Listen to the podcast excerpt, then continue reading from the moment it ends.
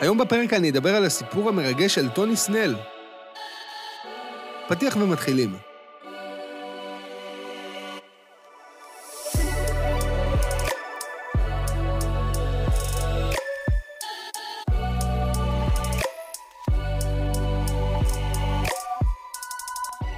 אז טוני סנל הוא שחקן NBA לשעבר, שכיום משחק בקבוצת ה-G League של בוסטון סלטיקס, הקבוצה מליגת הפיתוח. ולמה אני עושה עליו בעצם פרק? למה הסיפור שלו הוא כל כך מעניין? כמה סיבות. אחת, טוני הוא שחקן שיש לו שני ילדים, ושניהם על הרצף האוטיסטי, מה שעזר לו להבין שגם הוא צריך להיבדק, בגלל קשיים אישיים שהיו לו, וגילה שגם הוא נמצא על הרצף האוטיסטי. כך שזה סיפור לא רגיל, והוא בעצם הפך להיות שחקן ה-NBA הראשון על הרצף האוטיסטי, ולי יש איזושהי סימפתיה לנושא הזה, משום שההורים שלי, שהם הבעלים של פיצה פצה והמורה מיו, היו הראשונים בארץ להעסיק בעלי צרכים מיוחדים ולעבוד עם הקים.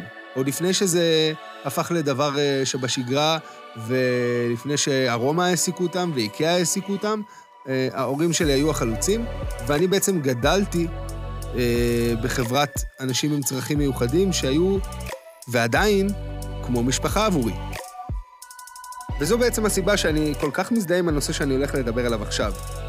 טוני שיחק תשע שנים בליגה, וכדי לקבל הטבת ביטוח ובעצם לדאוג לעתיד לילדים שלו, הוא היה צריך להשלים שנה עשירית בליגה.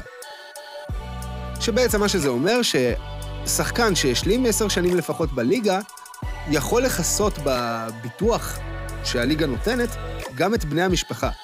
עכשיו, מן הסתם לגדל ילד זה דבר קשה, אז על אחת כמה וכמה לגדל ילד על הרצף האוטיסטי, ועוד יותר, שניים כאלה. אז מן הסתם שהדבר הזה היה קריטי עבורו, והוא יצא למין סוג של קמפיין כזה של אה, לנסות לגייס את עצמו, לשכנע מנהלי קבוצות לגייס אותו. עכשיו, מבחינה מקצועית אין לו מקום בליגה, אין על זה עוררין, הוא לא, הוא לא מספיק טוב. אבל, וגם, וגם לא ציפיתי שמועדון כמו הסלטיקס ירים את הכפפה וייקח אותו. כי מועדון שיש לו שאיפות לאליפות, אין לו איך לעזור להם.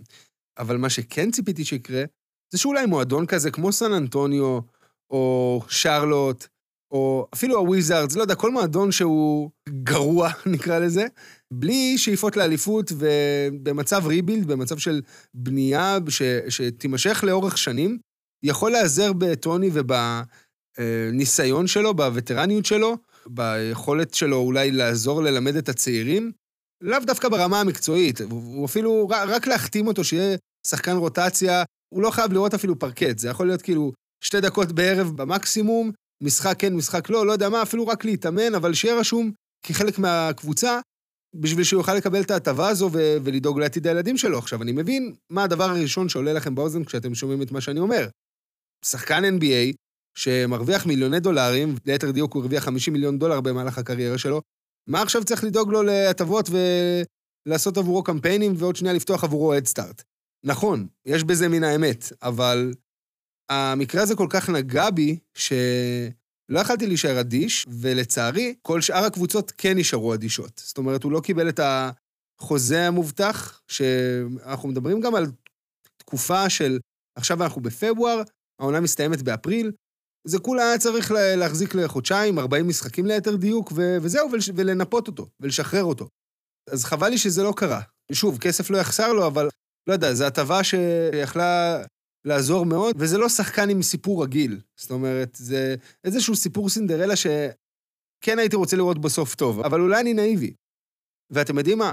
אפילו הייתי חושב על פתרון יצירתי שאם הוא לא מתאים לסטנדרט NBA מבחינה מקצועית, אז אפילו הקומישיונר אדם סילבר, שידוע בתרומה לקהילה, וזה משהו שהליגה מאוד מתגאה בה, בדברים יוצאים מן הכלל שהם עושים, כמו לבחור שחקן בדראפט, שחקן שיש לו תסמונת שלא יכול לשחק בליגה, רק כדי להגשים לו חלום. אז הליגה כבר ידעה לעשות מהלכי רובין הוד כאלה של לעזור למי שזקוק, ואני חושב שאפילו אם לא לקחת אותו לקבוצה מסוימת, אז אדם סילבר יכל לעשות איזשהו יוצא מן הכלל, איזושהי החרגה, ולשים כוכבית, ולהגיד שספציפית השחקן הזה יקבל את ההטבה, גם למרות שמלאו לו תשע שנות קריירה ולא עשר. וכל כך חבל לי שעל חודשיים, 40 משחקים, כי לא צריך אותו לעונה מלאה לכל ה-82. הוא לא יקבל את הדבר הזה שיכול לעזור כל כך ל... לילדים שלו, כשהוא לא יהיה איתם יותר, לדאוג להם. ובקטע הזה, אני חייב להגיד שקצת התבאסתי על ה-NBA ועל אדם סילבר, כי לברון, קריס פול, כל החבר'ה האלה שהם כבר וטרנים בליגה, הם לא צריכים את הכסף הזה, הם לא צריכים את ההטבה הזאת, אבל שחקן כמו טוני סנל, שאף אחד לא מכיר, זה, זה יכול להיות קריטי עבורו. ושוב, יש לו את הכסף, הוא, הוא יהיה בסדר. אבל דווקא בגלל מקרה כזה, ששני הילדים על הספקטרום, והם יצטרכו את העזרה הזו בעתיד, אז צר לי שזה לא קרה. וזהו, זה הטייק שלי על טוני סנל ועל הפרק הזה, ואנחנו נתראה בפרק הבא.